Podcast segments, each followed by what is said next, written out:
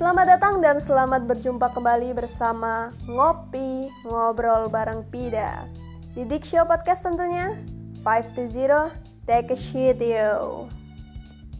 Gimana nih kabar tugas kalian? Baik tugas bekerja maupun tugas sekolah? Tetap santai ya Karena ditemani musik-musik di handphone atau PC Padahal dalam hati grundel Ngaku loh Oke nggak apa-apa, apa pun kondisi kalian yang penting sekarang relax dulu. Barangkali setelah mendengarkan ngopi ini jadi pikiran dan moodnya kembali jernih. Ngomong-ngomong soal musik, genre itu sangat beragam. Apalagi yang tren saat ini Mipan Zuzuzu, ya enggak? Anak TikTok nih pasti tahu. Konon katanya di samping sebagai hiburan, musik juga dapat meningkatkan kecerdasan otak. Waduh, sering banget ya dengar ini. Eh, tapi beneran gak tuh? Jangan-jangan hoax lagi.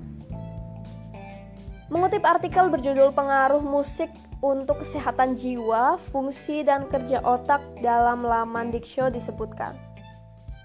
Penggunaan musik sebagai media penenang psikologi manusia telah dirintis sejak masa filosof Yunani kuno, seperti Plato dan Aristoteles. Wow, udah lama banget nih ternyata. Tapi eh tapi, jangan telan mentah-mentah. Mari kita masak pembahasan ini biar lebih matang. Dalam praktiknya, dewasa ini orang cenderung memprioritaskan musik ini dalam kegiatannya. Jadi kegiatannya di nomor dua kan, musiknya di nomor satu kan, gitu. Begitu tahu bisa jadi penenang jiwa atau bahkan meningkatkan kecerdasan otak nih ya. Langsung tuh ambil berkas, ambil buku, ambil segala macam yang kalian butuhkan untuk belajar atau bekerja. Plus music player ini intinya bagi kalian itu jangan sampai lupa.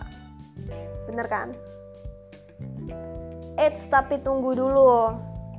Memangnya musik apa yang kalian dengarkan selama bekerja atau belajar? Lagunya Mas Justin, Mbak Dua Lipa, atau artis lokal seperti Raisa, Isyana, atau Rimbayang? It's okay kalau kalian tetap fokus mengerjakan pekerjaan sementara kalian juga mendengarkan lagu-lagu ini. Tapi faktanya ternyata begini nih Musik yang digunakan saat bekerja atau belajar bukan lagu yang memiliki lirik di dalamnya. Terbukti dari uh, teori otak kanan dan otak kiri. Kalian pasti sering banget dengar ini.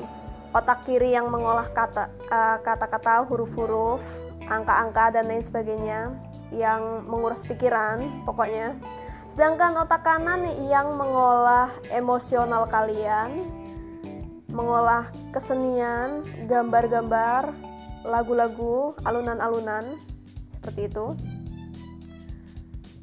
Dan apa sih hubungannya? Hubungannya adalah ketika kalian, contohnya ini, contoh nyatanya, kalian sedang belajar, kalian sedang bekerja, kalian sedang mengerjakan apa pun yang berkaitan dengan tulisan, angka, huruf, dan lain sebagainya. Sedangkan kalian juga mendengarkan musik yang mengandung lirik. Lirik itu kan tulisan. Benar kan? Lirik itu tulisan. Dan ketika kalian juga mengerjakan sesuatu yang berkaitan dengan tulisan juga, maka dua hal ini akan bertabrakan karena diolah di dalam otak yang sama, otak kiri. Sedangkan musik ini terpisah sendiri.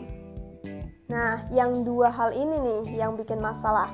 Kalian jadi buyar, kalian jadi tidak fokus, kalian jadi ambiar lah pokoknya ya. Oke. Okay. Bisa-bisa kalian yang kerjaannya nginput data nih, misalnya data sensus gitu ya.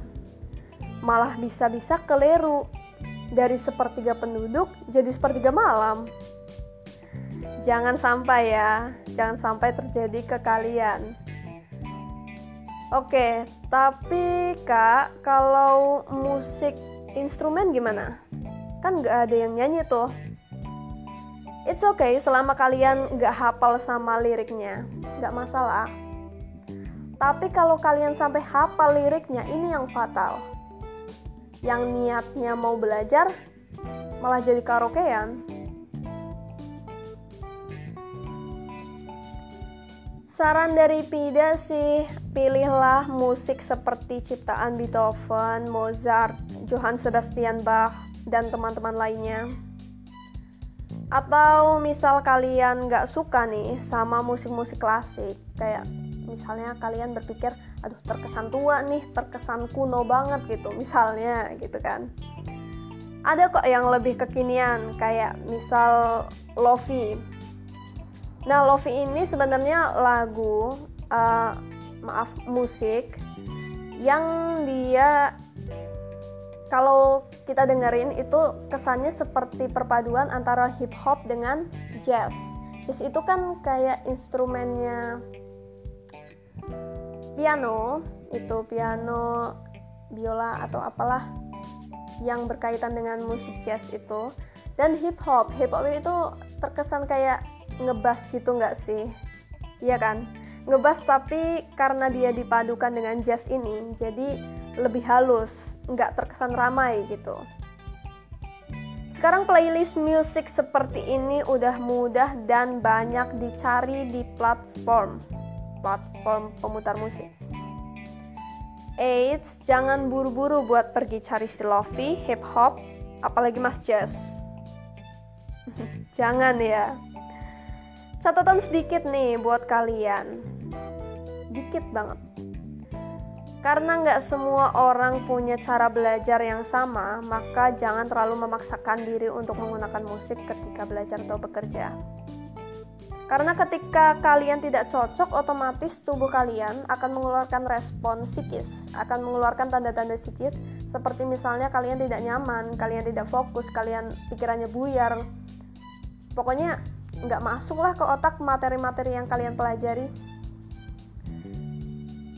jadi justru malah kalau kalian buyar seperti ini, kalian nggak fokus seperti ini, maka lebih baik dihentikan aja. Kalian gak usah pakai musik karena justru bikin pikiran kalian itu tertekan, bikin kalian stres aja. Padahal awalnya niat hati mau menenangkan pikiran, tapi malah jadi tertekan. Oh, no no no no no. Big no. Lebih baik kalian cari cara lain. Um, mungkin apalah terserah kalian. Asal bukan itu karena misal sudah terbukti kalian gak nyaman lebih baik ditinggalkan aja oke? Okay? Iya segitu dulu. Karena tidak tahu kalian pasti buru-buru kejar deadline. Yang mau aku sampaikan cuma Semangat selalu. Semoga hari kalian menyenangkan. Sampai jumpa.